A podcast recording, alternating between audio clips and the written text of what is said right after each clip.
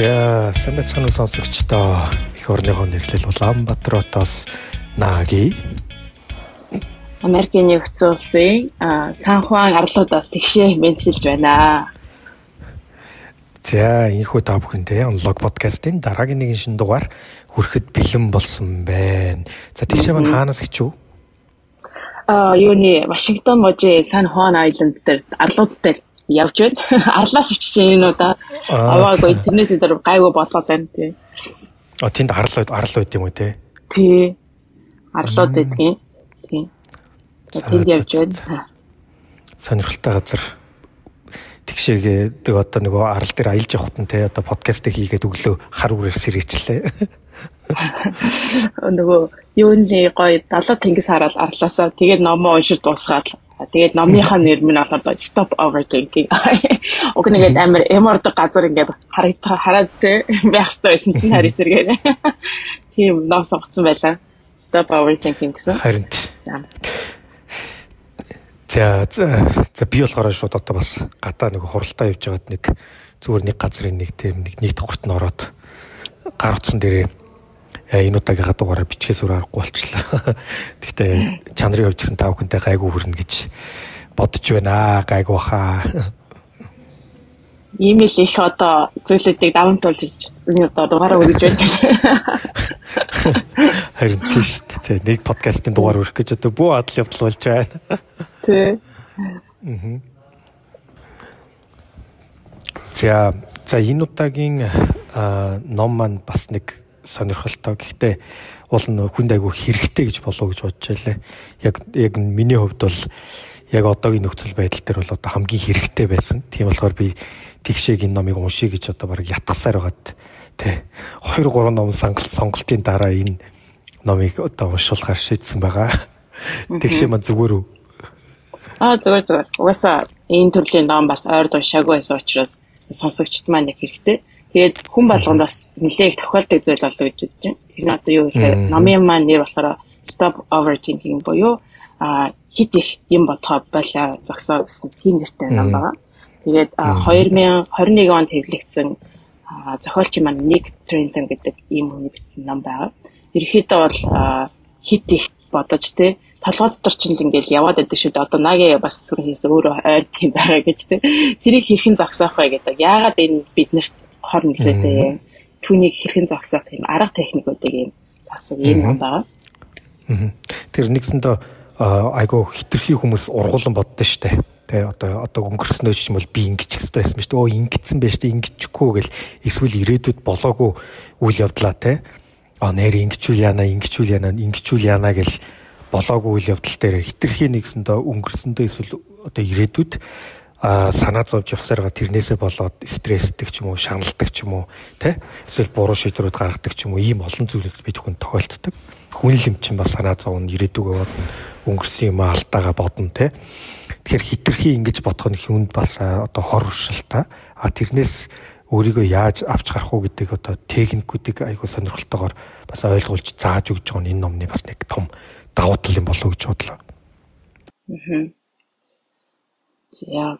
За тэгээд ном маань болохоор ерөөдөө 6 бүлэгтэй байгаа. Тэгээд ном руу гарахаас өмнө уламжлалсараа спонсорд ордыг Think Pharma, эрүүл амьдралын хэм маягийн төвөөцгөө эрүүл мэндийн чанар хэмлэгч подкастын ивент дэгч Think Pharma. За. За тэгээд одоо уламжлалсаар тэгшээ бит хоёр одоо бүлэг бүлгээр нь хуваагаад ярих болно. Эхний бүлэг тэгшээ эхэлж байгаа тийм. За. За тэгээд эхний бүлгээр өгөөрэй орцгоё. За. За нэгдүгээр бүлэг маань болохоор хит ургуулan бодох гэдэг маань угаасаа тийм хит ургалан бодох гэдгээс улбаалan гараагүй маа гэдэг тухай ерөнхийдөө хэлсэн юм л да. За бүлэг маань эхлэхдээ нэг одоо Джеймс гэдэг хүний тухай нэг залуу хүний тухай ярьж байна. За тэгсэн чи юу бэ гэхээр Джеймс гэдэг хүн бол ерөнхийдөө байнга өөрийгөө боддог, өөрийнхөө тухай их ингээд санаа зовдөг тий байнга л нэг өөр нэг юм тухай ингээд бодсон байж их ургалан боддог хүн юм байна.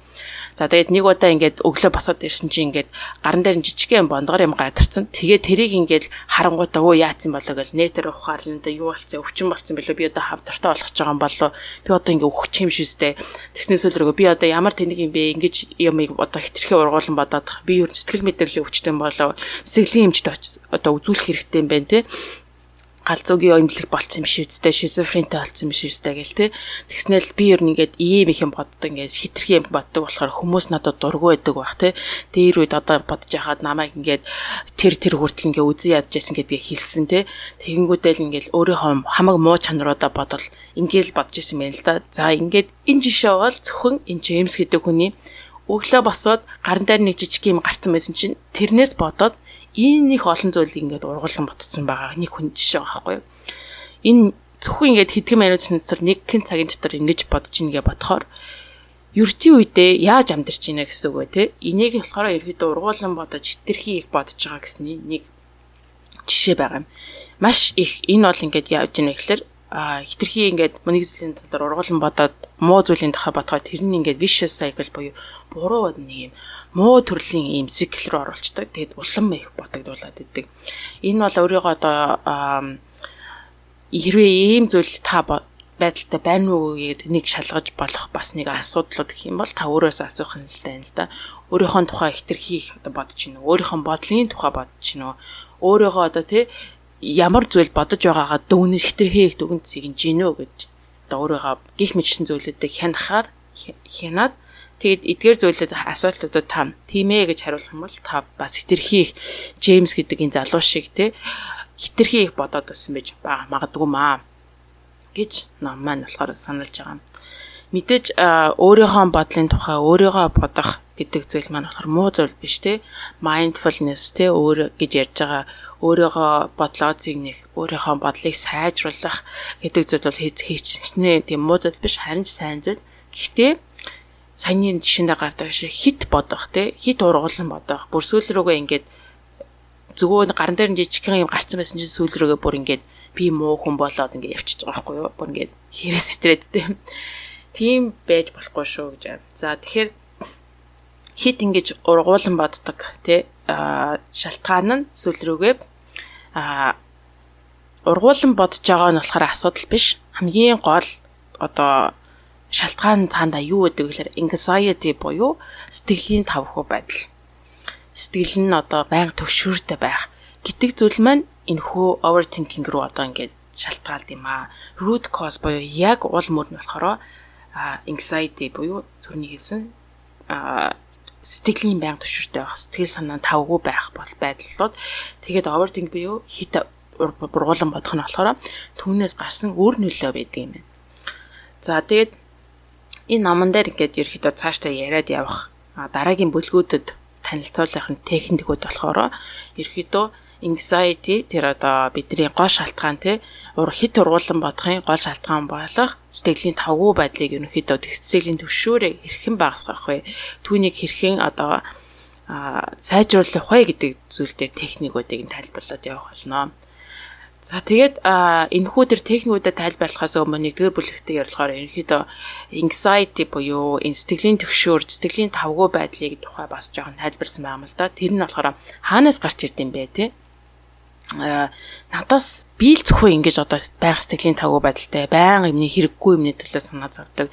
Би л одоо хамаг муу зүйлийг хит юм шүү гэдэг тийм одоо бас хүмүүс бодож яж магадгүй. Тэгвэл одоо тийм биш гэдгийг нь одоо бас тайлбарлах гэдэг юм л да. Хөвчлэн хүмүүс яадаг вэ гэхээр сэтгэлийн тавгүй байдал одоо хэрэгтэй хэрэг үзүүл бодох нь болохоор бас аа тархич нь одоо ям байнга ер нь одоо ингийн бодож байдаг шүү дээ тий. Тэгэхэд даун тайм боо одоо ажил хийхгүй тархичаа одоо ажил хийхгүй болонгуудаа шал хэрэгтэй эргүү зүйл бодож эхэлт юм байл та.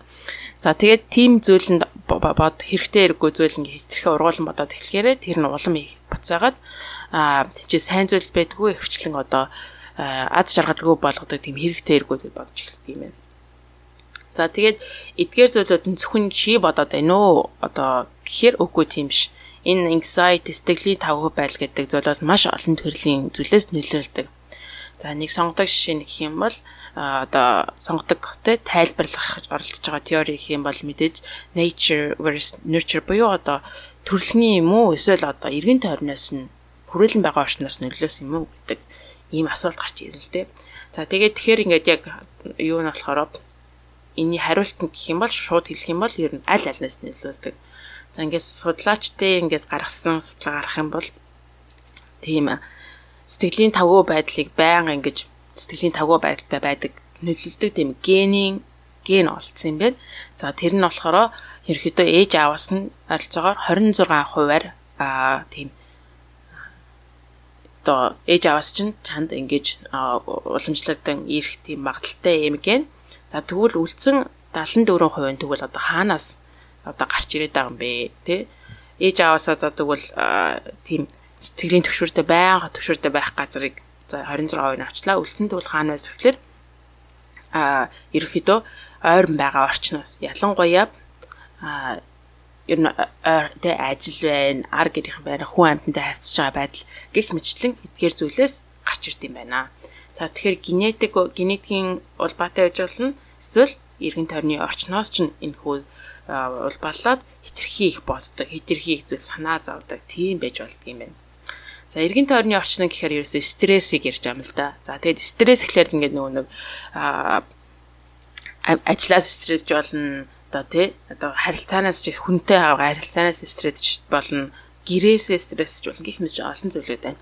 Гэхдээ ерөөхдөө стресс гэхээр зөвхөн стресс гэхээр муу зүйл байдгүй.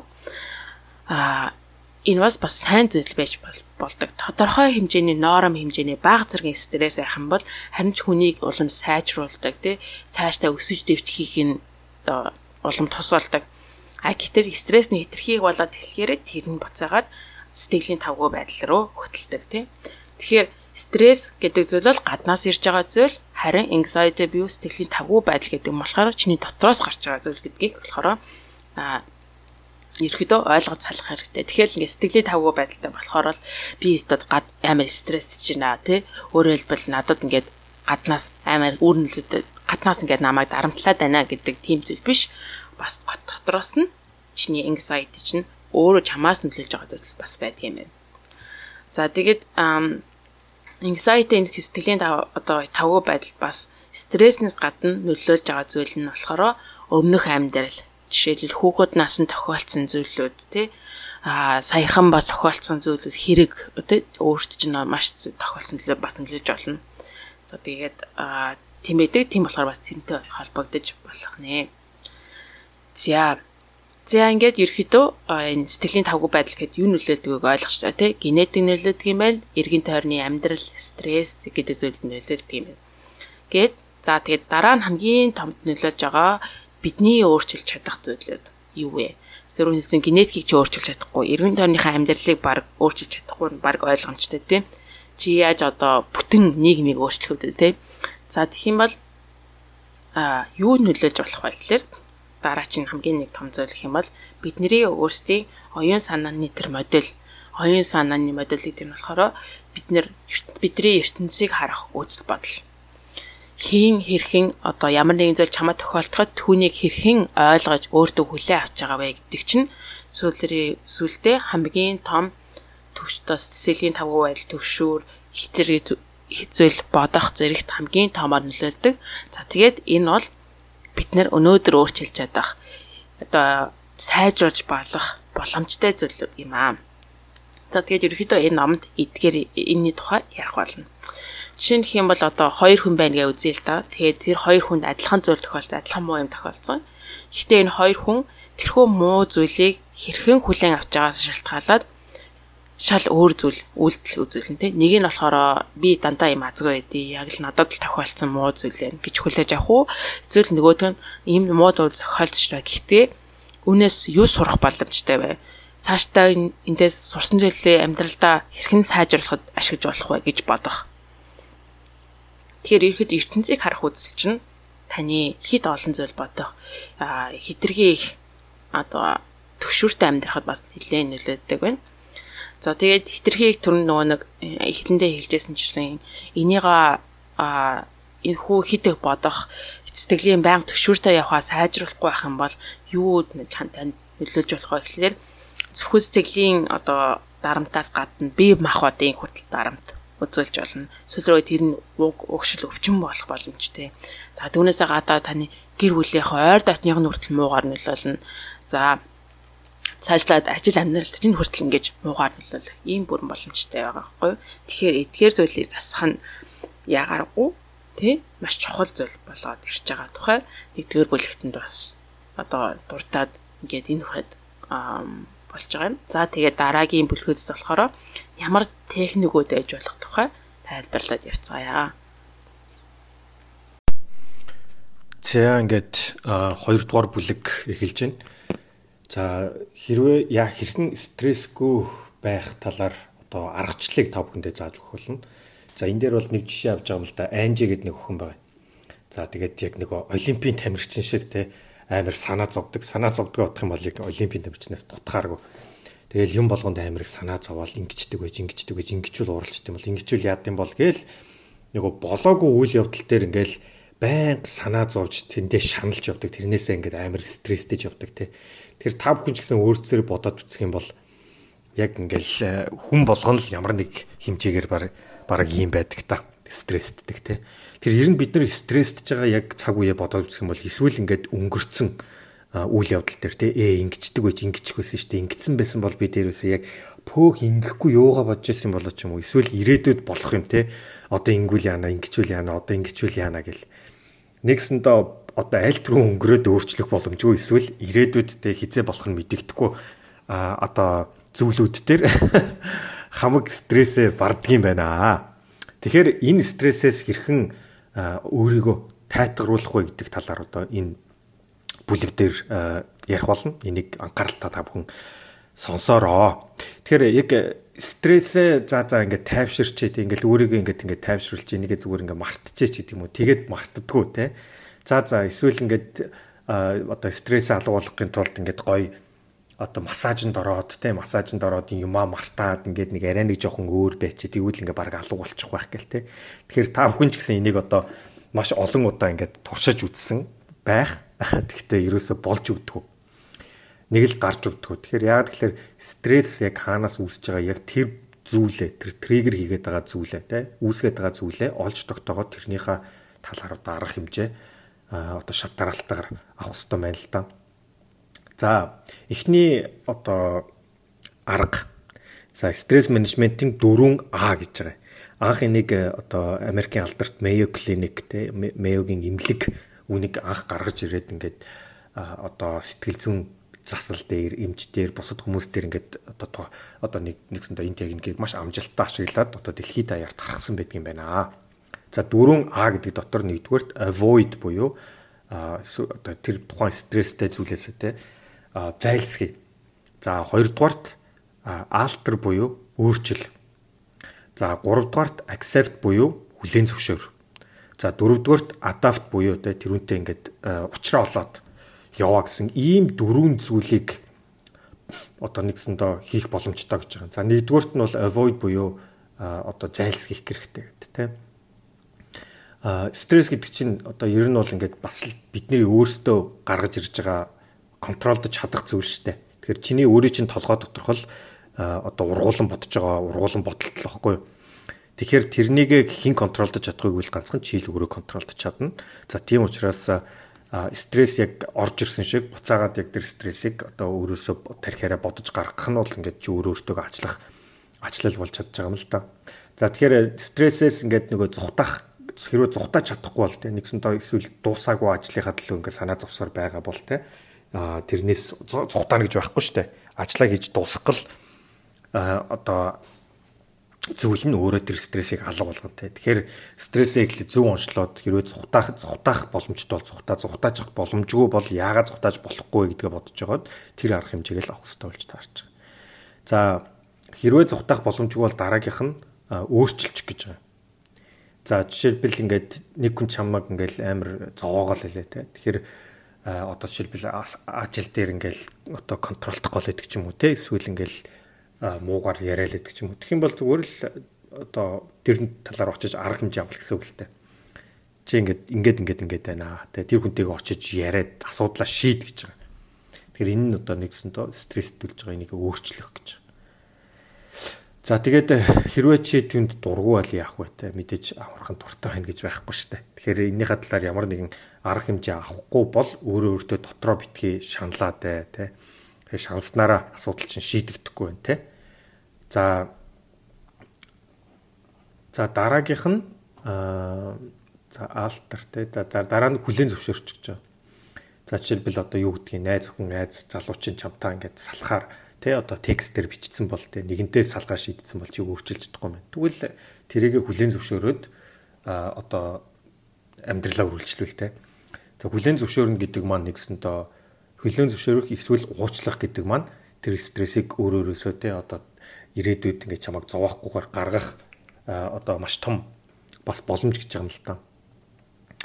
За за тэгээд хамгийн сүүлийнх нь бол одоо тэр үнтэйгээ нийцээд adapt буюу те ингээд нийцээд явах гэж байгаа. За гих мэтчлээ энэ яг дөрвөн аргыг та бүхэн одоо стрессж байгаа бол дахиад ашиглаад үзээрэй. За дараагийн нэг арга нь болохоор одоо цаасан дээр эсвэл одоо өдрийн тэмдэглэл дээр бичих. Тэр өдрийн тэмдэглэл дээр одоо юу чамаг стресстүүлээд байна бичээд те. За тэгээд тэр стрессээс гарах ямар боломжтой арга байна гэдгээс бичдэг ч юм уу. Эсвэл тэр стрессдж жагаад одоо нөхцөл байдлаа цаасан дээр ингээд буулгах А тэгээд мэдээж тэгээ эцэст нь болохоор хамгийн гол нь энийг эрэг ирүүлэхийн тулд тэг а ингэж стресстүүлж байгаа ч гэсэн чамд бас өөр бас эрэг зүйл юу тохиолдов те. Ямар тийм одоо эрэг мэдрэмж эсвэл эрэг эмоц мэдэрч дээ те. Тэгэхээр тэр талаараа бас цаасан дээр буулгах те.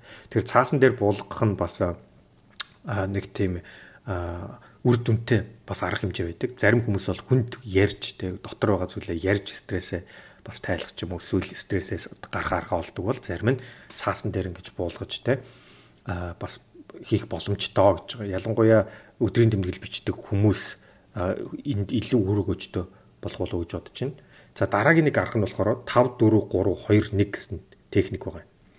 Тэгэхээр яг тэгэхээр бидний яг толгой дотор бол what what if буюу те хэрвээ ингэсэн бол ингэсэн бол гэл одоо санаа бодлууд гэх юм уу те айгүй их стресс төлдөгтэй дандаа л түрүүн хэлсэнчлэн өнгөрсөн зүйл дээрээ айгүй их стресстдэг. Нэгэнт өнгөрсөн бол тэрийг дахиж өөрчилж чадахгүй штэ. Тэгэхээр стресст нь тэрний төлөө стресст нь гэдэг бол тэгвэл айгүй тийм гарцтай л байгаа юм л да өөртөө чинь. Эсвэл ирээдүйд одоо болгож байгаа одоо мэдгүй адал явдал юм уу ажил дүрэл ч юм уу те. Тэгэхээр ирээдүйд болохыг чи өнөөдөр чи контрол одоо яг өнөөдөр те болоогүй явдал дээр л одоо хамаг санаагаа зовоол өөрийгөө зовоогоол энэ гэсэн үг л те. Тэгэхээр тэр 5 4 3 2 гэдэг техник нь болохоор за нэгдүгээрт одоо ойр орчинд байгаа таван зүйлээ чи ингээд хардаа. Нэгсэндээ стрессээстэй одоо өөрийгөө гаргаад тайвшруулах нэг арга юм л та. Эхлээд тав нь болохоор ойр орчинд байгаа таван зүйлийг олоод тэдний одоо мэдгүй одоо улаан өнгө харагдчих юм бол улаан өнгө энэ нэрээ улаан өнгө өстой гоё өнгө гэсэн байж тээ гэдэг юм. Тийшээ илүү анхаарлаа төвлөрүүл гэж. За тэгчээд дараа нь тэр орчин байгаа тэр таван зүйлтэй тэрэн дотроо бас бас ингээд хүрээд мэдэрч болох дөрвөн зүйлийг олоод мэдэрч гараараа мэдрээд үзэж байгаа. За за тэгээд дараа нь болохоор тэр орчиндөө байгаа гурван зүйлийг сонсож болох гурван зүйлийг сонсдоо. Магадгүй чиний өөрийн чинь амьсгал юм уу эсвэл гадаа явж байгаа машины дуу ч юм ч юм уу. За хоёрд нь болохоор тэр хоёр одоо үнэрлэх зүйл байна уу? Магадгүй одоо чиний өөрийн чинь түргсэн сүрчийг нэг үнэрнч байдаг юм уу те? Гарнаас ч эсвэл нэг угаасан савнгийн үнэрч байдаг юм. За тэгээд хамгийн сүүлд нь ямар нэгэн одоо тест буюу те одоо амтаараа мэдрэх зүйл байна уу. Тэгэхээр энэ дөрөв таван зүйлийг ингээд чи шат дараалтаагаар яг ингээд 5 4 3 2 1 гэд хийгээд үзэж байгаа. Тэгэхээр энэ нь болохоор чиний одоо бодол санааг чинь нэг л зүйл дээр ингээд төвлөрүүлэх гэж байгаа санаа л та. Тэгэхээр хүний тарих нэг одоо яг нэг цаг хугацаанд бол нэгэн зүйлийг бодож чаддаг. Нэгэн зүйл дээр төвлөрч чаддаг учраас санаа зовхон дээр төвлөрөх юм бол санааг чинь ондоо тийшээгээ одоо арга цаачтай аваачих гэсэн л гол санаа юм байгаа юм л да. За тэгэхээр энэ хүү техникийг бас тав хүн э, туршаад үзээрэй. За. За тэгээд 3 дугаар бүлэг рүү оръё. За энэ 3 дугаар бүлэг дээр нь болохоор ерөөхдөө time management тий буюу одоо цаг цагийн зөв зохицуулалт тий цагийг зөв бүтээлтэй үргэлжлэх зөв зарцуулах гэдэг тухай ярьж байгаа юм л да. Ихэвчлэн ингээд хүмүүсээ ингээд хараад ахаар маш олон хүмүүс тохиолдог зүйл нь болохоор стресс хаанаас гарч ирдэг вэ гэхлээр ерөөдөө цагаа бороо зохицуулсаас гарч ирдэг. Юм нь амжихгүй тэгэл нөгөө нэг хамаг одоо цаг нь цагтаа амжихгүй те маргааш өгсдөө зүйл нь чи бэлэн болоогүй тэгэл ингээл өнөөдөр хийх ёстой ажил амжаах ёстой ажлууд нь дуусаагүй. За түүнээсээ болоод хүмүүс маш их стресстэй. Тэгээд нөгөө нэг хэрэгтэй хэрэггүй зүйлд ингээл бүр ингээл хамаг ямар багтахаа болсон тэгэл би яа нэг хамаг амар ажилтаа энэ амжихгүй байна би тэр хүнтэй уулзах гэж ялцсан тэрэндээ амжихгүй. За тэгээд тэр хүнтэй уулзах чаддаг болох нөгөө хүн ууралцсан те. Гэх мэтчтэй ерөнхийдөө ингээ яг чи харах юм бол time management буюу цагийг зөв зохицуулах дээр асуудалтай байдаг. За тэгвэл ингээд нэгэн юм судалгаа байсан юм байна л да. Тэгээд их сургуулийн оюутнуудад хийсэн ийм стрессийн левел стрессийн шатыг одоо хэр зэрэг стресстэй байна вэ гэдгийг судалсан судалгаан дээр харсан чинь аа тэр оюутнуудын цагаад яаж зөв зохицуулах дээр сайжруулад а за тэрний өмнөх яа цагаа буруу зохицуулдаг байдлахтай нэгээ сайжруулсан чинь гэрийн даалгавар ч юм уу хичээлийнх нь ачаал нь ерөөс өөрчлөгдөөгөө байсан юм нэ цагаа зөв зохицуулдаг болчингууд стresснийх нь стresснийх нь төвшин хамаагүй багассан гэдэг ийм судалгаа байсан юм. За тэгэхээр цагаа зөв зохицуулах, а зорилгоо зөв тодорхойлох гэдэг маань маш их тийм стресс нь стрессийг чи багасгахад хэрэгтэй болох нэ. За цагаа зохицуулах гэдэг нь болохоор нэг өдөрт олон зүйлийг амжуулах те богинохон цагт олон зүйлүүдийг амжуулах гэсэн тийм зүйл ерөөс зогцохонч биш юм ингээл хүмүүс цаг зохицуулах гэхээр л одоо өдөртөө бичигнүүлэл их зүйлийг амжуулаад за тэгэл ингээл нэг юм хийж хатаа давхар нэг зүйлийг хийгээд мультитаскинг гэж ярьдаг шүү дээ тий. Тим зүйлийг хийхий тухай илүү боддог. За тэр нь бол илүү өрөөсгөл ойлголт юм. Харин эсгээрээ цагаа зөв зохицуулах гэдэг маань болохоор амьдралдаа юу чухал вэ гэдгийг тодорхойлоод тэр чухал зүйлүүдийг хийхийг ерөнхийдөө хэлж байгаа юм. Өөрөөр хэлбэл бүхэл бүтэн амьдралынхаа а яаж амьдрах тухайгаа тий а structuring хийгээд те дахин бодо боловсруулад тэгээд амьдрал чинь юу чухал тэрэн дээр доллар төвлөрөөд жишээлбэл а жишээлбэл одоо нэг одоо эмэгтэй байна гэж үзэл л да тий тэр болохоор маш ажилтай завгүй байдаг. Тэгэл нэг юм амжихгүй байдаг. Гисэрнээсээ гэр бүл болон ай найз нөхдөд цагийг өнгөрүүлэхдээ ерөөс ингээд цагаа өнгөрүүлж чадахгүй байгаадаа маш их стресстэй. Тийм ээж одоо. За тэгэх юм бол тэр эмэгтэй амьдралд юу чухал байсан бэ гэд гэр бүл нь чухал байсан юм уу? Ажил нь чухал байсан уу? Гэр бүл нь хэрэг чухал байх юм бол гэр бүлдээ цагаа зарцуулах хэрэгтэй тэгчээж энэ хүн чинь стрессгүй амьд тий за ажиллаа ажиллаа болохоор ажил дээр одоо дараагийн дурдах техникүүдийг бас ингэж ашиглаж олно л доо чухал зүйлүүдийг ранклаад тэрнээс нь сонгож аваад одоо хийчих гэдэм үү тий гэх мэтчлэн тэгэхээр амьдралдаа байгаа өөрийнхөө амьдралын юу чухал вэ гэдгийг тодорхойлох хэрэгтэй. Тэрний дотор болохоор чухал зүйл гэж байж болно, чухал биш зүйл гэж болно, яаралтай хийх зүйл хэрэгтэй гэж болно, яаралтай биш зүйлүүд болно. За За тэгээд энэ цаг зохицуулалтын хэсэг дээр бол хүмүүсийг одоо хэр хэд хэдэн төрлөөр ерөөхдөө хувааж болох юм. А цагаа яаж хэрэгжилж байгаагаас нь шалтгаалаад тий. За нэг төрлийн хүмүүс болохоор ерөөсөл ингээл а тайм мартер гэж юм. Тэр нь болохоор юу гэхээр цаг цагны боолголцоо хүмүүс дандаа л ингээд нэг хүн ингээд юм асуугаад энийг хийгээд өгөөж заал гэж яддаг. Тийшээ явъя гэхээр заал гэж яддаг. Өөрийн гэсэн цагаа өөрийнхөө одоо хэрэгцээнд юусэн зарцуулж чаддгүй хүмүүс хүний үгээр явдаг дандаа одоо цагаа хүний төлөө зарцуулдаг гэсэн хүмүүс байхгүй юу? Тийм хүмүүс бас ингээд байж болж байна. Зарим хүмүүс болохоор за цагийг ерөөсөө цагийн ямиг цагтны хийдгүү байн хоёмыг хойшин тавьж яадаг хүмүүс байна. За зарим хүмүүс болохоор цагийг цагтай холбоотой зүйл болохоор л ингээд нэг юм хийж байгаа л тэрийг дуусгалгүй ингээ хайчдаг ингээд нэг юм ингээд сатаараа явчихдаг. Сатаар агчдаг гэж байгаа байхгүй. Тийм хүмүүс байж байна. За зарим хүмүүс болохоор underestimators буюу ерөөсөө нэг зүйлийг хийхэд хэр зураг цаг хугацаа орохыг баян ингээд буруу тооцоолж хэтэрхий ихтэй би нэгснээс хийчихнэ гэсэнээс нөтний юм амждаггүй хүмүүс байна. Тэгэл за би наатаа чинь 2 цагийн дотор дуусгах чинь гэсэнээсээ гэс ясам дээрээ нөгөөх нь 2 3 цаг хэдэн өдөр авах тий. Тэгээд нөгөө дуусгаагүй болохоор тэрэндээ ингээд арамтлагддаг тий. Тим хүмүүс байна. За эсвэл болохоор firefighters гэдэг нь болохоор ингээд асуудал гарах гарсан болгонд нь гүйж очил нөгөө нөгөө өмнөх юм дуусгаагүй байж тий. Асуудал гарах болгонд нь гүйж очиж тэрийг янзлах гэж хичээдэг тийм хүмүүс байна. За зарим хүмүүс болохоор хитрхи төгс байдлыг эрхэмлдэг тий. Тэгээд нэг юм хийчээ тэр нь дуустдгүй хийгээлээд хийлээдэг тэгэнгүүтээ өөр нөгөө хийхстэй юмнууд нь болохоор аваараа л байдаг аваараа л байдаг тийм бас хүмүүс байна. Гэх мэтчтэй олон төрлийн бас цагийн буруу зохицолттой хүмүүс байж болдог. За тэгээд эдгээр дээр хэд хэдэн техникүүдийг аа одоо энэ чинь ном дээр бичсэн баам л да. За нэг техник болохоор мэдээж энэ бол нэлээд классик бас бидний өмнө уншиж байсан номнууд гарч ирсэн техник. Тэр нь болохоор Eisenhower-ийн техник гэж. Тэр нь болохоор Америк нэгдсэн улсын ерөнхийлөгч Eisenhower болохоор өөрийнхөө тэр олон ажлуудыг яаж зохицуулдаг байсан бэ гэхээр ерөөсөө ажлуудыг дөрөв хуваачдаг байсан маа. За нэгдүгээрт нь болохоор маш чухал ажил тэгээд яаралтай хэрэгтэй ажил. За хоёр дахь ажил нь болохоор чухал хэрнээсээ яаралтай биш ажил. Гурав дахь нь чухал биш Гэхдээ яаралтай ажил. Дөрөвдүг нь чухал биш, яаралтай биш ажил гэд хуваачдаг. За тэгээд чухал болон яаралтай ажил гэдэг гэдгийг нь бол ерөөхдөө яг одоо хийх хэрэгтэй. Ерөөсөд хийхгүй бол маш чухал байна, маш яралтай. Яг одоо хийн хамгийн нэгдүгээр тексттэй ажил.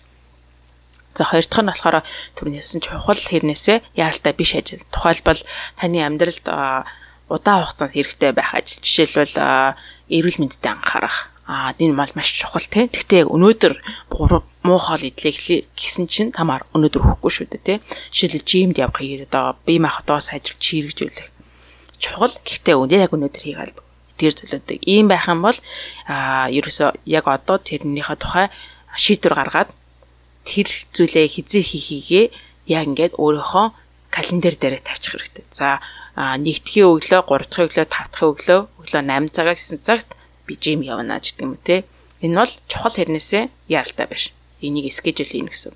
За дараачих нь болохоор 3 дахь өдөр нь хэлжсэн чухал биш хэрнээсээ шаардлагатай, нэг шаардлагатай ажил. Жишээлбэл нэг хүн танд хариу өгөх хэрэгтэй байна. За тэр нэг чухал биш. Тэгтээ одоо ав гэж шаардаад байна гэдэг юм уу тий. Одоо хариу нэхэд байна. А гэсэн үед болохоор тэр зүйлж болох нь. За За тэгээ хамгийн сүүлийнх нь саяны 3 дахь ажлыг болохоор хүмүүс ер нь даалгах хэрэгтэй тий а хэрэгтэй үед чи нэгээс амжуулаад өгөөч. Яг үл чиний хувьд бол чухал биш. Жишээлбэл нөгөө нэг ажлынхаа туслахтай ч юм уу тий даатгачих хэрэгтэй. Тийм ажлууд байдаг. За дөрөвт нь болохоор чухал биш ирнэ. Тэ бас яралтай биш ажлууд бол эдрийг бол ерөөс хийх шаардлагагүй. Энийг бол өөрийнхөө хийж байгаа зүйлээс листээс хаасчих хэрэгтэй. За ингэнгүүт нийт ажлын чинь баг 25% нь хөнгөрчихөж байгаа байхгүй юу? За энэ байдлаар бүх зүйлүүдээ ихтэй зүйлүүдээ өглөө болгон лист гаргаад тий өглөө болон чигсааж байгаа. Тэгээд бүгдэнд нэгэ номер өгөөд аль нэгдүгээр нэг нэг хоёроо хийх юм байна. За тэгээд гурав дахь болгон хүн даалгах юм бай дөрөвдөө ерөөс хийхгүй хайчих хэрэгтэй. Бүр ингээд тэр чигсаалтаас устгахчих хэрэгтэй гэж байгаа байхгүй юу? За ийм нэг арга байж байна. За дараагийн нэг арга нь болохоор бас бидний өмнөх номнуудад дуртажсэн тийм арга нь энэ болохоор smart goals гэж байгаа. Тэр нь болохоор яг махчлаа оршуулах юм бол одоо ухаалаг одоо goals буюу зорилго гэж юм л да ухаалаг зорилго. За тэгээд яг smart гэдэг дээр нь болохоор энэ англи хэлний үгийн тавьшлал байгаа л да. За энэ ерөөхдөө хүмүүс ингээд зорилго зорилго зорил тавихаараа ингээд жоохон хитрхи бөөрөх хэлөө тий за тэгээд хитрхи бөөрөх хэлсэн болоод тэрэнд их биелэгддэггүй зүйлүүд байдаг. Тэрний оронд тэрийг маш тодорхой болгох. За жишээлбэл нэг жишээлээ л да. Ингэж би одоо илүү эрүүл хоолмоор байна. Эрүүл болмоор байна гэдэг зорилго байж болно. Гэтэл энэ бол муу жишээ. Тэгэхэд эндээ бол хизээ юу их чагаанч ойлгохгүй яаж хийх нь ойлгохгүй тий. Би эрүүл холмоор. Тэгэл ингээл эрүүл холно, эрүүл холно гэж хитэн жил явцдаг тий. Тэр ерөөс хийдгүү. За тэгвэл яаж яг эрүүл холлох вэ? Энэ болохоор smart goal буюу энэ ухаалаг одоо юунаас харах юм бол би ядаж 7 хоног өөр тий 5 удаа жимс болон а ногоон ургамлыг идэнэ. За тэгээд идэхдээ ерөөхдөө ерөнхийдөө аль болох чадах хэмжээгээрээ идэх бөгөөд а энэ 7 хоногт дараа сарын дараа гэхэд энэ 7 хоног дотор 3 удаа идэд дараа сарын дараа гэхэд өдөр болгон иддэг болсон байна. Гэт ингээд яг ингээд тодорхойлгож байгаа. За яаж энийг тодорхойлсон бэ гэвэл нэгдүгürt нь бол S-тэй smart гэдэг үгний товчлол дээр байгаа ш. S эхний үсэг specific буюу яг тодорхой бичих. Сая энэ дээр хэлсэнчлэн 5 удаа гэж хэлсэн те юу идэх юм? Жимс ногоо идэх яг ингээд нэг удаа идэхдээ ойролцоогоор 80 г байна. Тэр гээд ингээд яг ингээд бүр тодорхой яг юу ихтэй хэлчихэж байгаа. За M smart-ийн M болохоор measurable. Саяны жишээн дээр харах юм бол тэр хэмжих хэмжих боломжтой. Тухайлбал саяны жишээн дээр яаж хэмжинэ гэхээр 7 хоног 5 удаа идэнэ. Дараа сард тэгэхэд өдөр болго иддэг болно. Хэмжих боломжтой тэр одоо төрний завсан зорилготой хүрсэн байна уу үгүйг маш тодорхой хэмжээгээр хэмжих боломжтой. За A smart гэдгийнх нь A attainable буюу одоо хийх боломжтой. За буцаад нөгөө жишээргүй арах юм бол төрний хүн хийсэн аль болох чадах хэмжээгээрээ ногоо юм уу жимс идэнэ. Аль нэг нь идэж болох нь тийм ээ. Заавал ногоо олдохгүй байх юм бол жимс идэж юм нөгөө тал руу. За боломжийнхаа хэмжээгээр гэж шийдвэ. Тэрнээс заавал гэж юусоо хэлээгүй. За smart гэдэг үгнийхээ R дээр хэлчих юм бол relevant буюу чамтай холбоотой байгаа хэрэгтэй. За энэ төрөний жишээ рүү буцаад очих юм бол чи төрөний өөрөө ерөнхийдөө болохоор эрүүл идмээр нэгж ярьсан. За минь надтай холбоотой Джеймс одоо ногоо гэдэг юм бэ? Надад холбоотой байна тий. T гэдэг нь болохоор time bound буюу одоо тодорхой зорилго чинь хизэн нэгэн цагт эхлээд дуусах тийм зүйлтэй хэрэгтэй. За тэрнийхээ төрөнд нэг жишээ нь болохоор хэлсэн 7 хоног болгон 5 5 өдөр 7 хоног болгон эхний үедээ 5 өдөр идэнэ. Дараагийн сард дараагийн сард яг хугацаанд тодорхой байгаа шүү дээ өдөр болго идэн ч гэдэг юм. Иймэрхүү байдлаар өөрийнхөө бас зорилгоо тодорхойлж болох нэ. За тэгээд түүнээс гадна энд бол нэлээ өөр бас аргууд ээж болно. Тэр нь болохоор Kaizen буюу одоо Kanban метод гэж хэлдэг. Японы үйлдвэрлэлийн бас нэлээд сонгодог аргуудын нэг. Тэр нь болохоор юу гэдэг вэ гэхээр хийх байгаа зүйлээ нүдэнд харагдахаар ил болгоо. За тэрнээсээ ингээд цаашдынхаа үр дүнгийн ашиглах тий. Аа за тэгээд эндээс үр дүнгээс нь буцаагаад фидбек аваад сайжруулах, баг баг сайжруулах. Гэх мэтлэг ийм агууд ээж болно. Та энэ аргуудын тухай биш тодорхой уншиж болно. За тэгээд дахиад нэг арга нь болохоор бас time blocking буюу тодорхой одоо өөрийнхөө календар дээр яг тодорхой нэгэн цагийг хийж байгаа зүйлдээ блоклох буюу тэр зүйл зөвхөн зарцуулна өөр зүйл хийхгүй гэд ингээд календар дээр тавьчих шиг. Жишээлбэл нэг зүйл хийчихсэн бол а одоо 3 дахь орой тий 4 цагаас 6 цагийн хооронд зөвхөн энэ зарцуулна. Өөр зүйл хийхгүй гэд ингээд хийчих юм бол тэр хийх байгаа зүйлийг чинь хизээх чинь тодорхой болно. А тэр зүйлээ зүйлтэй цаг зарцуулах нь тодорхой болно тийм. За одоо жишээлбэл гэр бүлийнхантайгаа хагасааны үдээс хойно 2 цагаас унтах хүртлээр заавал цаг өнгөрүүлнэ гэх мэт чинь ингээд блоклах.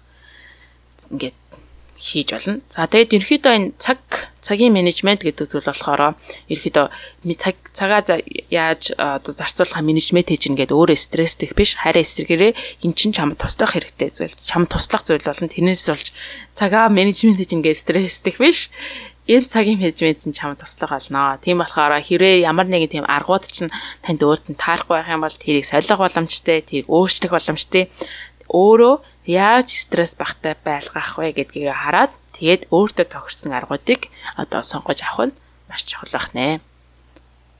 За. За ингээд энэ бол хүрээд 3 дахь бүлэг маань төгсөж байна. За 4 дугаар бүлэг рүүгээ орцгоё. За тэгэхээр 4 дугаар бүлэг нь хэрхэн одоо тэр дороо тийм диважинг олох вэ? Диважинг гэх юм уу, зен гэх юм уу эсвэл тийм амар амгаланг яавч хурдан олох вэ гэсэн санаа. Яг тэгэхээр хүн стресст нь тэгэл стресстэй чигээрээ одоо кортизол гэд одоо бодис ялгаруулаад тэр нь улам чамайг стресстүүлээд сандаргаал тэр нь бол ингээд эрүүл мэндэд ч юм уу чиний одоо нойр хоол одоо бүх юмд муу. Тэгэхээр альваад стресстэд ингээд хүнд хэцүү үед яаж өөрийгөө тийм одоо амархан тайвшруулах вэ гэдэг аргыг л олж өөртөө чи тэрийгэ практис хийж яагаад өөрийн болгож авах ёстой л болж таарч байгаа юм л да. Өөр бол а одоо энэ нэгсэн доо тэр талын одоо техник юм л да. За тэгэхээр өөрийгөө тайвшруулна гэдэг чинь бол ингээд за нэг удаа ингээд хийгээ сурчдаг зүйл шүү дээ. Чи олон удаа өөр дөрөө практис хийгээд те одоо өөртөө эзэмшиж болох техник байна. Тэгэхээр яг л дадал зуршилтаа яг ялгаагүй чи өөрөө өөрийгөө тайвшруулах тэр аргачлалаа хамгийн чамд оновчтой хамгийн амархан чамд зөв аргачлалаа олж авал тэрийг олон удаа давтаж хийснээрээ өөрийгөө ямар ч хүнд нөхцөлд ямар ч их стресстэй байсан өөрийгөө тайвшруулж тайтгаруулж чадах боломжтой болох юм аа гэж байгаа. За тэгэхээр энэ дээр одоо бас гурван одоо аргачлалыг санал болгож байгаа. За нэгдүгээр болохоор автогеник одоо одоо relaxation буюу тайвшруулалт одоо автоматар тайвшрах гэх юм уу тэ. Тэгэхээр энэ нь болохоор бүр 1920 оны үед бол тэ одоо баг нөгөө одоо хипнот хипнотист ч те одоо хүнийг тайвшруулах арга арга хэрэгжилж ирсэн нэгсэн доо системээр ингээд амархан тайвшруулах те одоо нэгсэн доо өөрийнхөө мэдрэлийн системийг тайвшруулах тийм арга зам. Тэгэхээр яг өөрийнхөө бие дээр явагдаж байгаа одоо өөрчлөлтүүдийг маш одоо ажиглах маягаар те одоо зүрхнийхээ цогцолтыг мэдрэх ч юм уу амьсгалаа мэдрэх ч юм уу эсвэл ходоодоо мэдрэх ч юм уу нэгсэндээ яг өөрийнхөө анхаарлыг биеийнхээ үйл ажиллагаануудад илүү төвлөрүүлж те хийх нэг аргачлал байгаа. Тэгэл одоо жишээлбэл яаж хэлэх одоо маш ингээд өөртөө тохиромжтой байдалд суугаад амьсгалаасаа мэдэрч эхлэхтэй. Тэгэхээр ер нь бол нөгөө бясалгалтаа жоохон одоо ойролцоо ч юм уу те бясалгал гэдэг чинь өөрийнхөө яг амьсгалж байгаа тэг байнга давтагдж байгаа хүнээс хамаарахгүйгээр ингээд гарч ирдэг үйл үйл ажиллагаа гэх юм уу тэр амьсгалж байгаа зүйлийг л ажиглаж нэг зүйл төр анхаарлаа төвлөрүүл төвлөрүүлж бясалгал хийдэг штэ.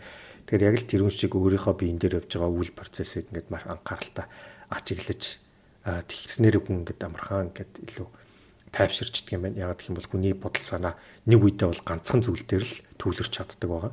За дараагийнх нь болохоор илүү өөртөө те одоо төсөөлөн бодож тийм одоо одоо юу гэдгийг гой зүйлийг төсөөлж ургуулan бодох.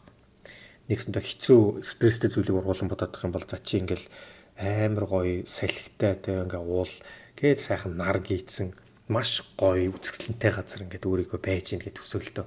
Тэгэл тэн дээр яг ингээл шууны чимээ сонсогдоол ингээд усны одоо горхины хоржигнох чимээ сонсогдоол те За тэгэл ингээл амар гоё ногооны үнэр чамд ингээл мэдрэгтэй л гэл хүн бас л нэг гэсэнтэй зөв гоё зүйлийг төсөөлж өөрийгөө тайвшруулах бас боломжтой. Энийгээ бүр ингээд одоо толгоон дотроо бүр зураглал болгоод хараад мэдрэх тийм бас боломжтой.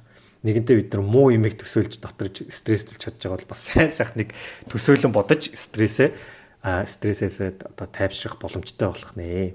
Хүний төсөөл ургуулan бодолт гэдэг бол өөрөө маш агуу зүйл биднийг бас амтнаас ялгадаг бол ганц зүйл маань бол энэ байгаа. Жишээлбэл тав хүн боддоо ингээл нүдэн аниал амар гашуун ингээл лимоныг ингээд чамандаа гэж нэг л боддоо. Тэгэн гут ингээд бараг шууд шүлсчинтэй гарч байгаа тэ. Тэгэхээр хүний бодол өөрөө тийм амар хүчтэй байдаг байх нь. Яа миний шууд ингээд шүлс ингээд ламан дотор ялгарч штэ тэ. За. Тэгэхээр иймэрхүү одоо техникүүд байдаг байгаа. Тэгэхээр энэ иймэрхүү одоо техникүүдийг те одоо өөрөө эзэмшээд өөрийгөө одоо тайвшруулах бас боломжтой байгаа. За 2018 онд хийсэн нэг тийм Jessica Guyen, Eric Brymer хийсэн нэг тийм одоо шинжлэх ухааны бүтээл байна.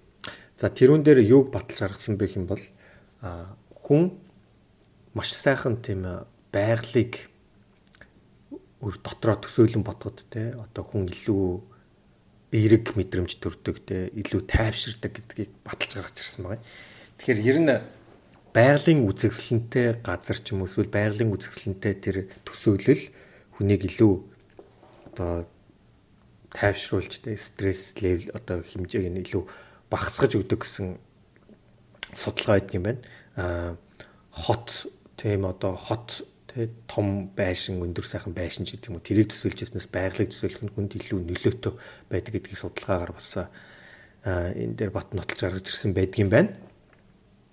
За за тэгэхээр мэдээж өөртөө маш тохиромжтой суудлаар суугаал. Тэгэл юу үнэрлж гин юу ямар өнгө төсөөлөж гин ямар дуудчмээ сонсгож гин юу харагдаж гин те ямар мэдрэмж төрж гин энэ бүхэн дээр л одоо төвлөрч тэр толгоон дотроо одоо имиж бүрдүүлнэ гэсэн.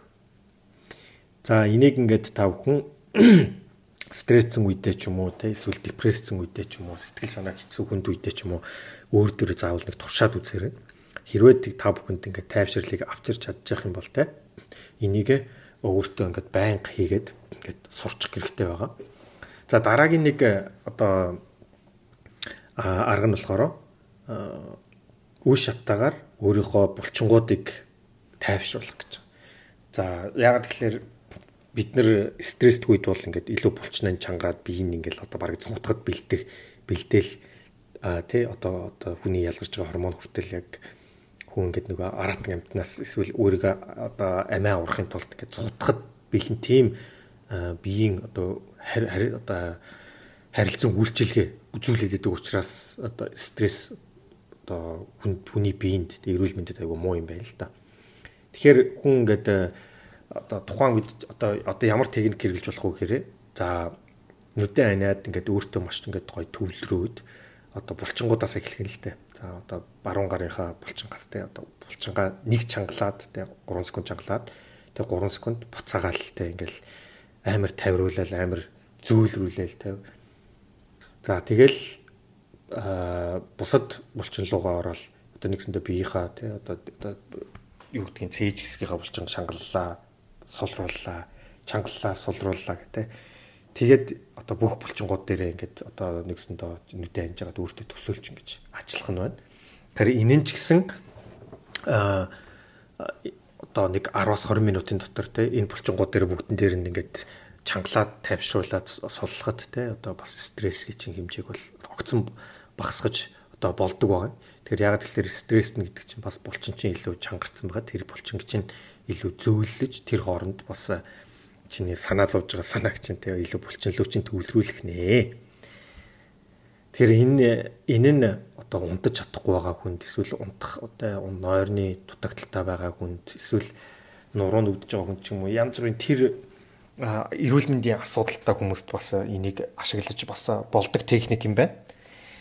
За дараагийн нэг бас сонирхолтой техник гэх юм бол санааж явж байгаа зүйлээ зүгээр ингээд чи одоо санаатаагаар хоошлуулъя гэж. За нэгс нэгсэнд одоо маргаашийн өглөөний хурлын талаас санаа зовоол ингээл унтаждахгүй хөрөөгөл байгаа л те. За за энэ санаа зовлтоо маргааш өглөө 8 цаг хүртэл зүгээр хоошлуулчих. Одоо би санаа зовлаа гэд юу ч өөрчлөгдөхгүй одоо юу ч хийж чадахгүй хоёрын хооронд юм байна. Тэгэхээр энийгээ зүгээр санаа зовх нь бол зүүн хэрэг. А гэхдээ маргааш өглөөний 8 цаг хүртэл зүгээр ингээд хоошлуулчаа гэд одоо өөртөө итгүүлэх нь байна. Нөгөө өглөө 8 цагт те сэрүүлэг тавиад босдог шиг санаа зовлтынхаа сэрүүлгийг маргааш өглөө 8 болгоч. За тэр болтол би санаа зовлоо гэж юу ч өөрчлөгдөхгүй учраас одоо боли. За яг тэгэхээр энэ нэгэнд хүний тархин дотор зүгээр чиний бодол дотор байгаа зүйл учраас чи бодлороо ч гэсэн энийг хоошлуулах одоо бүрэн одоо чадaltaа боломжтой. Тэгэхээр энийг л өөртөө бас сураад авчих хэрэгтэй юм шиг одоо санагдлаа. Надад бол айгүй хэрэгтэй юм шиг бодогдлоо. Тэгэхээр ер нь миний хувьд болохоор яадаг вэ гэхээр би альва санаа зовж байгаа зүйлийг хоёр хэсэгт ангилдаг байгаа. Нэг нь би миний контрол дор байгаа зүйл, нэг нь миний контрол дор байхгүй зүйл. Одоо жишээлбэл юу гэдгийг гадаа ингээл явж исэн чинь амар төг бүх төг одоо түгжрээтэй. Тэгэл тэр түгжрээнд стресстэй л те. Тэрийг би өнөө одоо тэр миний контролд байгаа зүйл мөн үү? хяналтан дор байгаа зүйл нь биш. Тэгэхээр хяналтан дор байхгүй бол би хичнээн санаа зовлоо гэж юу ч өөрчлөгдөхгүй. Тэгэхээр ерөөсөө за за энэ талаар санаа зовхо боллоо. Аа тэгэд миний нөгөө миний контролд хяналтанд байгаа зүйл рүү илүү санаа зовъё. Байгаа зүйлийг бол би өөрчлөх одоо боломжтой. Тэрний талаар ямар нэгэн арга хэмжээ аваад стрессээ бууруулах боломжтой байхгүй. Тэгэхээр тэр тал руугаа илүү санаа санаа зовъё те. Тэгснээрээ бас илүү үр дүнд хүрхэн ч гэсэн одоо хамаагүй илүү. Одоо нэгэнтээ өөрчил чамаа чи өөрчилж чадахгүй мэн дээр чи санаа зовлаа гэдэг те. А юу ч өөрчлөгдөхгүй хоёрын оронд хамаг нервэ барахна. Тэгэхээр яг үнтэй адилхан одоо за санаа зовх зүйлээ чи хоошлуулж болно. Ялангуяа унтахад ингээд гай болоод байгаа бол тэрийг за за маргааш өглөө болтол одоо энийг төр тэг хоошлуулчих мартах биш те алга болгох биш. Зүгээр хоошлуулчих гээд өөртөө итгүүлж сурах хэрэгтэй байна. За тав дахь бүлэг буюу одоо дараагийн бүлгээ эхлэе. За энэ бүлэг дээр болохоор ерөөхдөө а CBT буюу cognitive behavioral therapy одоо сэтгэхүйн зан үйлийн эмчилгээний тухай ярьдаг байна л да. Энэхүү cognitive behavioral therapy болохоор ерөөхдөө өөрөө маш том сэдв. За энэ номон дээр бол маш богинохноор айл болох ингээд багасгаад нэг бүлэг ороод болгоод бичсэн байгаа. Энэ зөвхөн энэ одоо сэтгэхүйн сэтгэх зан үйлийн эмчилгээний тухай бүхэл ном сурах бичгүүд байдаг. Тэгээ за энэ шээ өршөө дэлгэрүүлж унших юм бол та бүхэн тусдан ном аваад бүр ингээд ухаад уншсан дээр байхаа гэж бодож байна. За гэхдээ номон дээр бол аа яг нэг бүлэгт батаагаад бичснийг нь болохоор энэ тайлбарлах болно. За ерөөхдөө CBT-ийн энэ хүү сэтгэхүйн зан үйлийн имчилгээний талаар техникийн талаар бол зөвхөн өмнөх бүлгүүдийг ойлгоогүй байж байгаа зөвхөн энийг хэрэглэх юм бол тий цаад хугтгуунуудаар ойлгоогүй байж байгаад барьж авах юм бол бас нэг үр дүнд хүрэхгүй байх магадлал өндөртэй гэж энэ номны зохиолч маань бас онцгойлон хэлсэн байгаа. урд уг ухах төвнийг нь ойлгох, яагаад энийг хэрэглэх шаардлагатай болсон гэдгээ мэдэх гих зэрэг нь бол маш чухал байх юм байна. Зя эдгээр зөвхөн энийг авч одоо CBT гэдэг энэ хөө одоо эмчилгээний аргыг хэрэглээд эхэндээ жоохон дэрдэж жагаад сүүл рүүгээ бас ерөөсөө сайн үрдэнд хүрээг хүмүүс их байдаг. Учир нь юм бол яг цаад юмуд энэ ойлгоогүй учраас ихсэн гэж бас хэлсэн. За ерөөхдөө энэ CBT cognitive behavioral therapy гэж тэ одоо би орчилтол сэтгэхүй зан үйл эмчилгээ гэж ачилдаг байхгүй. Эний цаана юу гэдэг юм бэ гэхээр ерөөхдөө гол хөгтөх нь болохоор бидний бодол бидний бодол гэдэг маань болохоор бидний бид нар өөрсдөө яаж одоо дэлхийн ертөнцийг харах хэрхэн өдөр тутмынхаа амьдралд одоо хандах яаж юу хийх гэдэг зэрэгт бидний бодол хамгийн чухал нөлөөтэй байдаг юм аа. Бодол гэдэг маа зүйл болохоор буцаагаад emotion буюу одоо сэтгэлийн хөөрөл, сэтгэлийг одоо сэтгэл чинь ямар хэмжээнд байхыг тодорхойлдог. За тэгээд буцаагаад тэр нь болохоор а буцаагаад амьдрал дээр яхаа чинь тодорхойлдог. За тэгэнгүүт хэлбэл бид нар бодлоо өөрчлөхөөр эргэн тойрныхоо бүх зүйлүүдийг өөрчлөх боломжтой гэдэг. За энэ бол ерөнхийдөө CBT-гийн гол үндсэн зарчим юм. Тэгэхээр бодол бүх зүйлүүдийг нөлөөлдөг. Бодол таны сэтгэл санаа нөлөөлнө. Бодол эргэн тойронд ч нөлөөлнө. Буцаагаад бодлоо өөрчлөх юм бол бодол түүнийгээ дагаад бүх зүйл өөрчлөгдөх боломжтой гэдэг.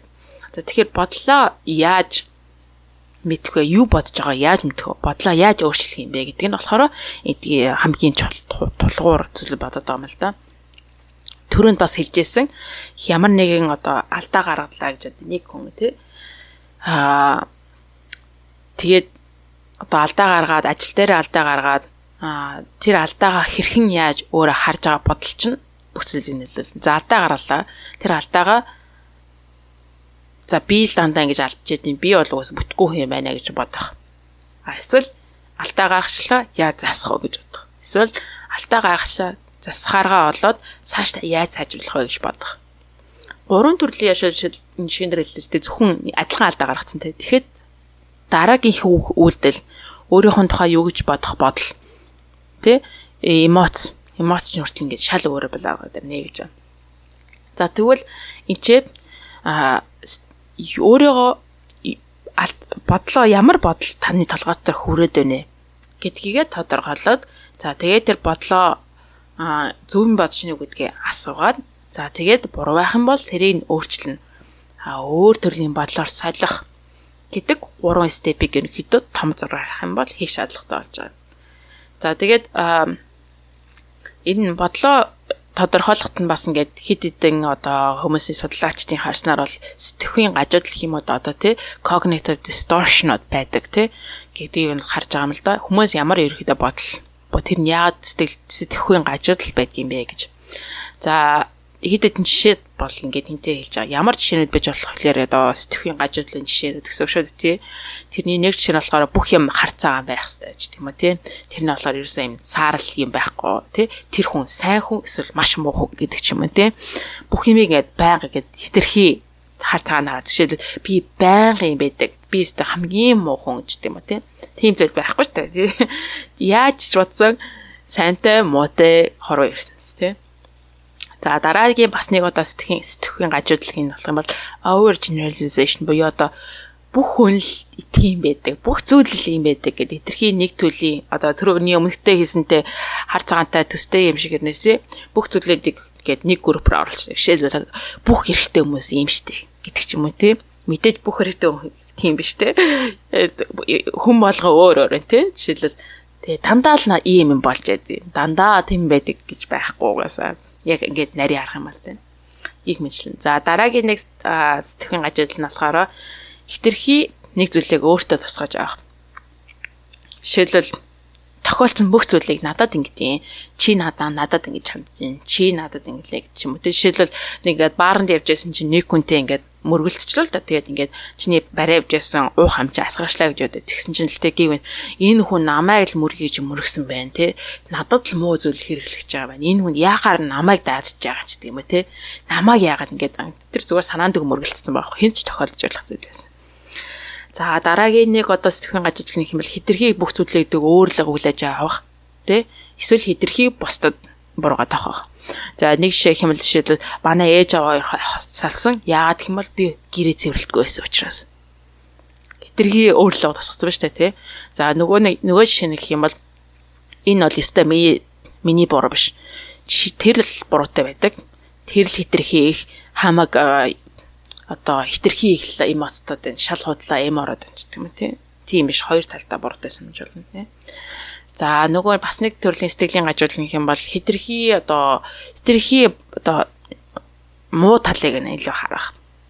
Сайн зүйлүүдийг хардггүй байх жишээлбэл жишээлбэл одоо би л шалгалтандаа муу авлаа өстой нэрэ над чиг л юм муу сурдаг хүн алга гэсэнээсээ бусад хичээлүүдээрээ бүгдэн дээр ганц авцсан байх ч тийм а тийм гиг мэдчлэн олон төрлийн гажуудлууд иж бол тоо. За тэгээ эдгээрээс өөрөө яг ямар бодлыг бодоод байна? Яагаад эдгээрийн аль нэгэн дээр нь таарад байна уу те заримдаа буруу зүйлийг бодож явах та гэдгээс анзаарахтай. Мэдээж одоо нэгэн дээр нь биш олон хит хитэн төрлүүдийг өөртөө тусгаж авсан тийм байх боломжтой байна л да.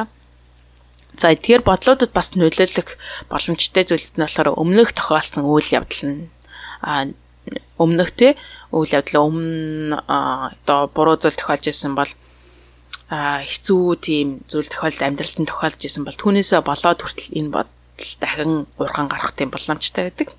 За тэрнийг бас ингээд бас тийм тэрнээсээ болоод чи үйлдэлгээд за буцаага тэр нь дахиад буруу одоо чамд эсрэгөөр нөлөөсөн тийм үр дагавар тохиолдох бас тийм боломжтой байдаг юм аа. За эдгээрээс одоо ийм буруу бодлуудаа яаж мэдэх вэ? Хиддэг аргууд байгаа юм л да. За тэр нь болохоор ABC модель гэж байна. Тэр нь болохоор өмнөх явдлуудаа бичих. За түүнээс гарсан үр дагавруудаа бичих. Бацаагаад тэр хийсэн үйлдэлээс гарсан ирээдүйд болсон тохиолдол үр дагавруудаа бичих чи тэмдэглэх. За ерөөдөө гол санаа нь болохоор нэг 2-7 хоног эдгээрийга тэмдэглэж бичээд аваад үз тээ юу гэж бодож байна ямар эмоцтой байна ямар нэгэн байгаа тий тэрийгээ бичээж тэмдэглээд тэрнээсээ анализ хийгээд аа би ийм юм тохиолдохоор ингэж бодоод Тэгээд тэр бодсон бодлоосоо болоод ийм эмоцтой болоод тэгээд дараа нь ийм үйлдэлгээ тэр нь буцаагаад ийм үр дагавар хүргээд байгаа юм байна. гэдгийг анализ хийж тийм зүйл байт юм байна. Аа жишээлбэл одоо ингэж юм л да нэг одоо залуу өглөө ажилдаа явж ясан чинь дарагтайгаа нэг одоо цахилгаан шигтэн таарчлаа. Google орсон дарга нь байж тийм.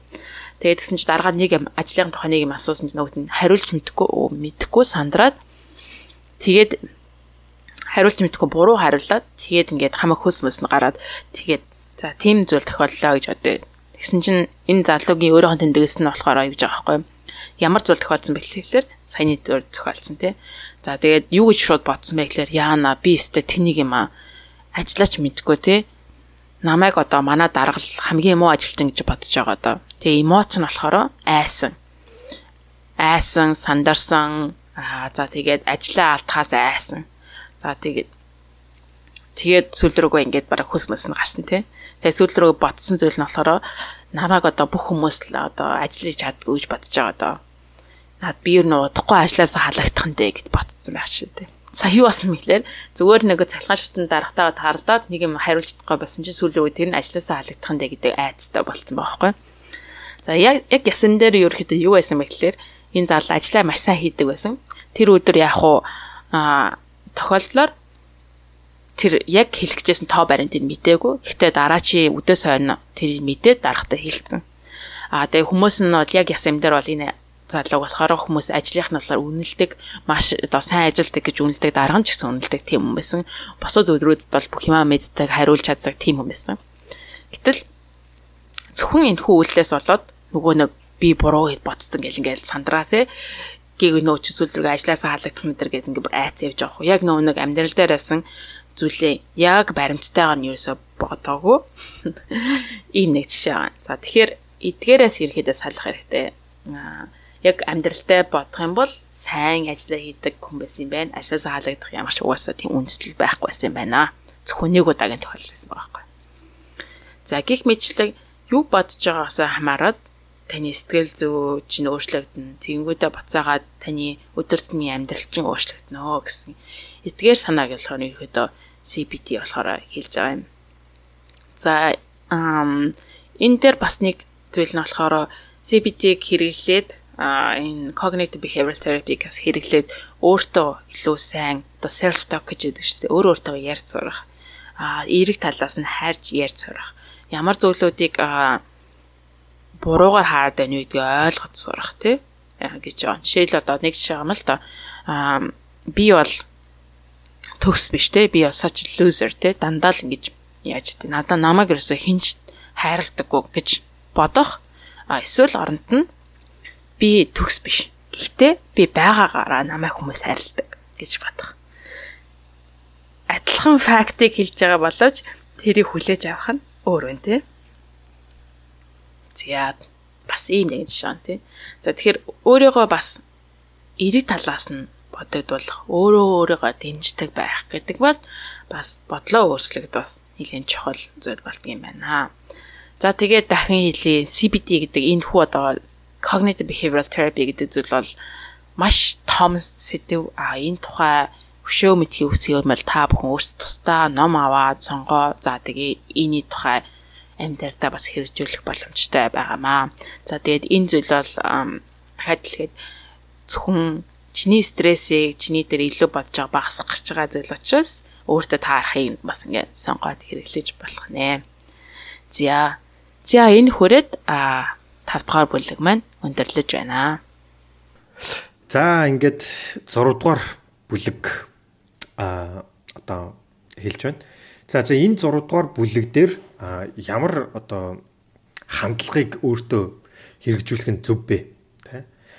За энэ дээр ийм таван хандлагыг санал болгож байгаа юм л доо. Тэгээ надад бол хамгийн таалагдсан бүлэг нь бол яг энэ. Энэ бол яг миний амьдралдаа яг бас яг баримтлагдаг зарчимтай бол яг ингээд баг үүд цайгу нийцж байгаа юм. За нэгдүгээр хандлага бол өөрийнхөө яг түрүү нөгөө хэл бас уртлын бүлгүүдээр ярьж байсан. Өөрийнхөө контролдож чадах хяналтанд дор байх зүйлүүдээр фокуслаад а контролдож чадахгүй зүйлүүдээ ерөөсөө ингээд тэндийг ингээд бити тэнд цаг үр нервэ баргаж байгаа. Тэгээ нэгэнтээ хөдөлгөж чадахгүй чамаас одоо чамаас шалтгаалж хөдлөхгүй ч болов чи хөдлөх чинь гэж бодож бодоод тэнд санаа зовоод насаараа санаа зовлаа гэд юу ч өөрчлөгдөхгүй хамаг энерги хамаг нервэл барах хэрэг болж байгаа юм л тоо. Тэгэхээр Гэхдээ л тэнд чинь санаа зовоод байна штэ гэл те. Гэтэл чухал шүү. Гэхдээ би санаа зовоод байдаг. Тэрнээс болоод стресслээд байдаг гэж хүмүүс хэлж магадгүй л та. Гэхдээ тэр стрессж байгаа тэр бодож байгаа бодол чинь чи өөрөө штэ. Чиний контролдож чадах зүйл бол чи толгоондоо юу бодохоо контролж чадж байгаа байхгүй. Тийм болохоор тэр контролд чадах одоо зүйлээрээ те өөрийнхөө одоо хяналтанд орох юм эсвэл чамаас шалтгааллах зүйлүүдээр л анхаарлаа төвлөрүүлж. За хоёрдугаар хандлага бол focus on what you can do тэ not on what you can't тэ чадах зүйл дээрээ фокуслаа чадахгүй зүйл дээрээ бити фокуслаа гэж байна. Тэгэл чадахгүй байж хамаг одоо цагаа зараад би ингэчих хэрэгтэй байсан бол ингээл чадцсан бол гэж санаа зовсноос өөрийнхөө чадах зүйл дээрээ илүү одоо энерги зар гэж юм л тоо. Тэгэхээр яг чадах зүйл гэдэг чинь чи үр дүн гаргаж чадна гэсэн үг байхгүй юу? а чадахгүй гэдэг чинь хичнээн санаа зовлаа гэж чадахгүй л бол тэгэл тийшээгээ ерөөсөө тэрийг март тэрийг тэрнээсээ одоо анхаарлаа төвлөрүүлэхэ холдуулж сураа гэж. Яг тэгэхээр чадахгүй мэдхгүй зүйлүүдээс л хүн айгүй их стресстэй юм байна л да. За 3 дугаар хандлага өөрт байгаа зүйл дээрээ фокуслаа, байхгүй зүйл дээрээ бити фокуслаа гэж. Хүн болгонд бүх юм байна гэж хизээч байхгүй те чамд байгаа ч юм байгаа байхгүй ч юм байгаа. Юм болгонд л байхгүй зүйл байдаг. Тэгэхээр надад тэр байсан бол ч юм уу эсвэл тэр байсан болоосоо ингэсэн бол гэж стрессцнээс за надад байгаа зүйл юу вэ? За тэрүүгээрээ би юу хийж чадахгүй гэдэг дээрээ л хамаг анхаарлаа төвлөрүүлж байгаа. Байхгүй зүйл дээрээ фокуслахаар хүнийг илүү одоо санааг зовоодог илүү а одоо unhappy буюу те аз жаргалгүй болгодог дээрээ фокуслаад байна гэсэн үг л дээ.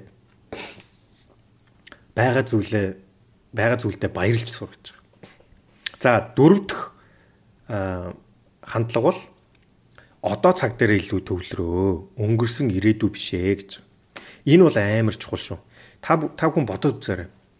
Ингээл юмд санаа зовол стрессд чинь те. Тэрийгэ шууд ингээд ажиглаа. Яг юуны талаар стрессд чинь тэр нь одоо одоо цаг дээр байна уу, ирээдүйд цаг дээр байна уу, өнгөрсөн цаг дээр бодоод үзээрэй.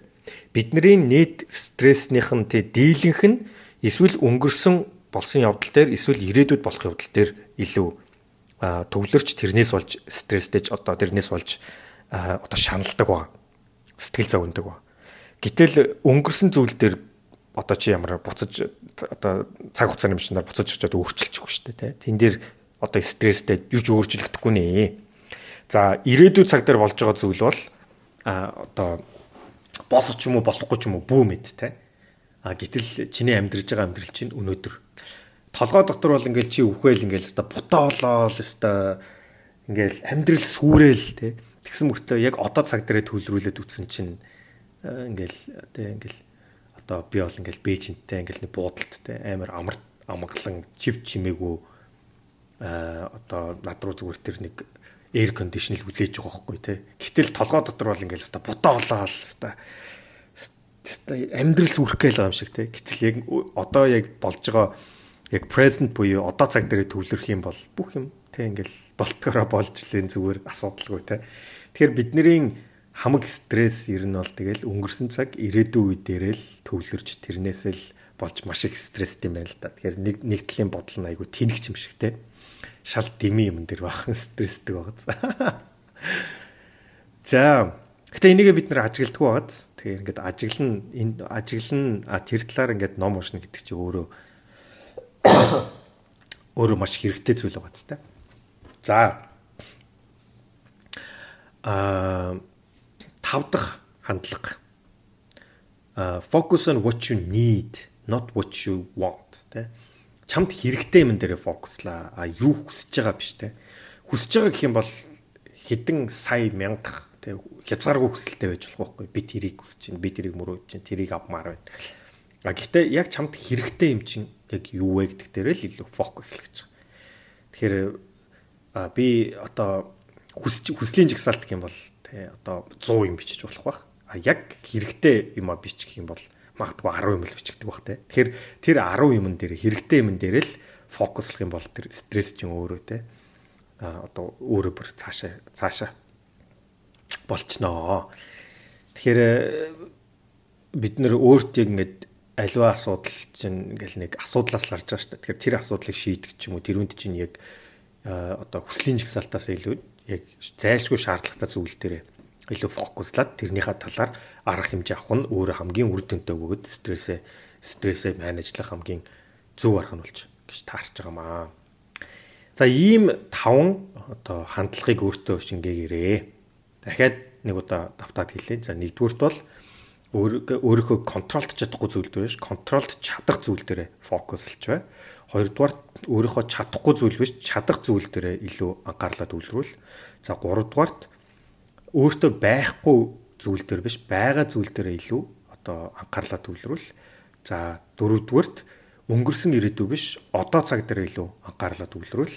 За тавдугаарт одоо хүслийн жигсаалтаас илүү зайлшгүй шаардлагатай зүйлсийнхаа зүйлс дээр илүү анхаарлаа төвлөрүүл гэсэн ийм таван хандлагыг өөртөө төвлөрүүлж чадах юм бол магадгүй чиний санаа зовж байгаа зүйлийг чинь 90% нь магадгүй энэ таван тэ хандлагаар баг өөрчлөгдөх боломжтой болов гэж бодож байна. За бидний мэдээж эмоц тий одоо айдсаас болж гарч ирж байгаа эмоц. Энэ ер нь дандаа бүгд л айдсаас л гарч ирж байгаа юм л да. Ингэчих юм болов тий ингэчих юм болов ингээ бүтлгүүчих юм болов ингээ хүн урал болчих юм болов ингээ доньгоо болчих юм болов тий ингээд хүмүүст шившиг болчих юм болов гай болчих юм болов гэл тэгэл эндээсээ болоод ингээл маш их санаа зовлт одоо ингээд үүсдэг тий. Тэгэхээр энэ дээр нэг юм үг байгаа юм л да. rumination гэдэг. Тэр нь болохоор одоо хив одоо юу гэдэг вүлээ үхэр чинь нэг ингээл хоолоо идчихэл буцаж залгиж одоо маха гинэ. Нэг өвсөө идчихэд тэ ямаач гэсэн өдөржингөө бэлчээр дээр өвс идчихэд тэгээд шөн оройн болохоор нөгөөдгөө гаргаж ирж хөвдөг штэ тий. Тэгэхээр бид нар ч гэсэн альва бодлыг ингээ айгүй хэвдэг юм байл л та. Тэгэл одоо тархин дотроо хөвдөг гэсэн байхгүй ингээл болцсон үйл явдлыг ч буцаж гаргаж ирээл аа хэвээ ингэчих байсан ингэчих байсан ингэчдэг байж ингэчихгүй. Ингээл тэгээ тэргээ дахин бодоол ёо ингүүл явах одоо ингэчл яана? Одоо одоо яана гэл. Тэгэл нэгсэнтөө өнгөрцөн бодлыг ч юм уу эсвэл ирээдүйд болох бодлыг маш олон янзаар хөвсээр байгаад тэгээд тэрүүнээсээ маш их стресс гаргаж өөрийгөө зовоод юм байна. Гэхдээ энийг энийг хэтрүүлэх нь өөрт чинь амар ашиггүй өөрт чинь амар хортой ол явчихж байгаа л да. А энийг зүгээр өөртөө зөв эрүүлэр одоо байлгах хэрэгтэй. Энээс эндээс алга болно гэж байхгүй. Бид нар нэгэнтэл одоо хийсвэр сэтгэдэг хүн учраас энэ бол биднэрт байгалийн өгөгдөл нь. А гэхдээ энийг илүү менежлж тэ контролдож сурна гэдэг бол бид бүхний одоо авч чадах чадвар. Хэрвээ тэгж чадах юм бол өөрөө илүү тайван, амгалан, эрүүл тэгээ өөрийгөө илүү тайвшруулж стресс стрессийг бол илүү амархан менеж хийж сурах юм байна. Тэгэхээр тэгэхээр одоо өөртөө тий одоо ажиллахад одоо иймэрхүү техникүүдийг ашиглаж стрессээ багасгах тэг өөрийгөө илүү тайвшруулах одоо асуудалтай зүйлээс илүү өөрийгөө бодлоос ч юм уу тэг өөрийгөө илүү холдуулах одоо боломж нөхцөл бол биднэрт бүгдээрэнд нь 100% байгаа. Тэгэхээр энэ бол ерөөсөө таны аль техникийг нь өөртөө аль оновчтой болгож ашиглаад тэрнээсээ үр дүн гаргах алхам байна. Тэгэхээр хүн болгон стресстэй хүн болгон overthinking буюу те ил одоо ургуулan боддог тэрнээсээ болж стресстэй шаналдаг. Тэгэхээр энийг дахин уншаад тавхан болохгүй бол дахин сонсоод те дахин дахин сонсож байгаа ч гэсэн эндээс нэг техникийг нь өөртөө олж авч шингээгээд өөр дөрөө туршиж үзээд дахин дахин одоо практис хийж хагаад өөрийн болгож аваараа Тэгэхгүй бол бид нэр стрессийн менежментийн талаар ярихгүй байсараад маш их стрессэж яваад тэрнээсээ болж одоо эрүүл мэнд болон сэтгэл зүйн маш их асуудалд ордог шүү. Хүн болгонд тохиолддог асуудал байгаа. Тэгэхээр энэ дээр шийдэл бол маш энгийн хүн болгон шийдэх боломжтой. Тэгэхээр энүүгээр л энэ одоо ном та бүхэнд энэ техникүүдийг тий одоо санал болгож байгаа. Тэгэхээр энэ утгаараа ч гэсэн амар болно хэрэгтэй ном байсан болов уу гэж бодож байна. За энэ хүрээд одоо ангийн сүүлийн бүлэг маань өндөрлөж байна. Тэгээд та бүхэнд бас нэгийг бодогдуулж бас хитрхи тий одоо ургуулсан бодох дээрээ одоо ямар арга хэмжээ авч болох уу юу гэсэн үгүй яагаад хор шиг талаар бас нэлээд цогц ойлголтыг авсан болов уу гэж найдаж байна. За миний хувьд бол яг одоо нэг одоо тий хийсэн хэрэгээсээ болоод нэлээд ургуулсан ботсоор байгаа тэр нь жоохон тий одоо өөрт жоо хэцүү байгаа. Тэгээ яг яг энэ үедээ бас энэ номыг олж уншсан бол надад бол бас айгүй тийм завшаан гэж бодож байгаа. Тэгэхээр яг тэгэхээр би бас өөрөө тийм яг ургуулan боддог нөхөр ихгүй тий.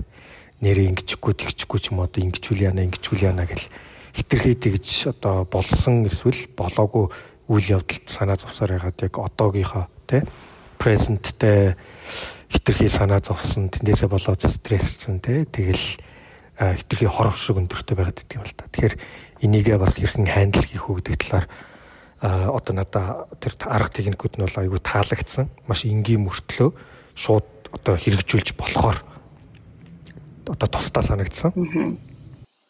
Тий. Тэгээд энэ ингээд зүгээр л нэг бодол тий хамгийн ихний бүлэг дээр хэлжсэн ч гэсэн зүгээр нэг бодол юм шиг боловч таны амьдралд оюун санаа тий ажил чинь хүртэл тий гэр бүл ойр тойрных нь хүмүүст хүртэл маш тийм нөлөөтэй байдаг зүйл.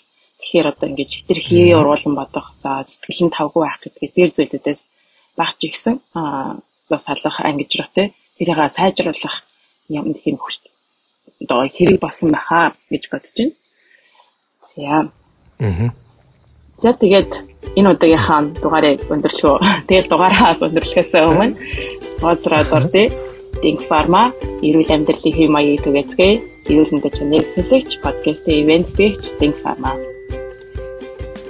За энэ хүрээд энэ удаагийн дугаар маань өндөрлөж байна. Хэрвээ танд таалагдсан бол эсвэл эндээс а та яндаа нэг хүн таны одоо ойр дотны хүн ч юм уу те бас нэг зүйлийг сураад аваасаа гэж бодож байгаа бол энэ дугаарыг цаашаа маш сайн шеэрлэж өгөөрөө олон хүмүүст хүрээсэй гэж бодож байна. Яг бол илүү санаа зовдгоо эсвэл одоо ургуулan боддгоо хүн гэж баг байдаггүй. Тэгэхээр энэ бол хүн болгонд тулгардаг асуудал учраас бүх одоо олон альвлах олон залуучууд энийг сонсож аваасаа гэж бас чин сэтгэлээсээ хүсэж байна.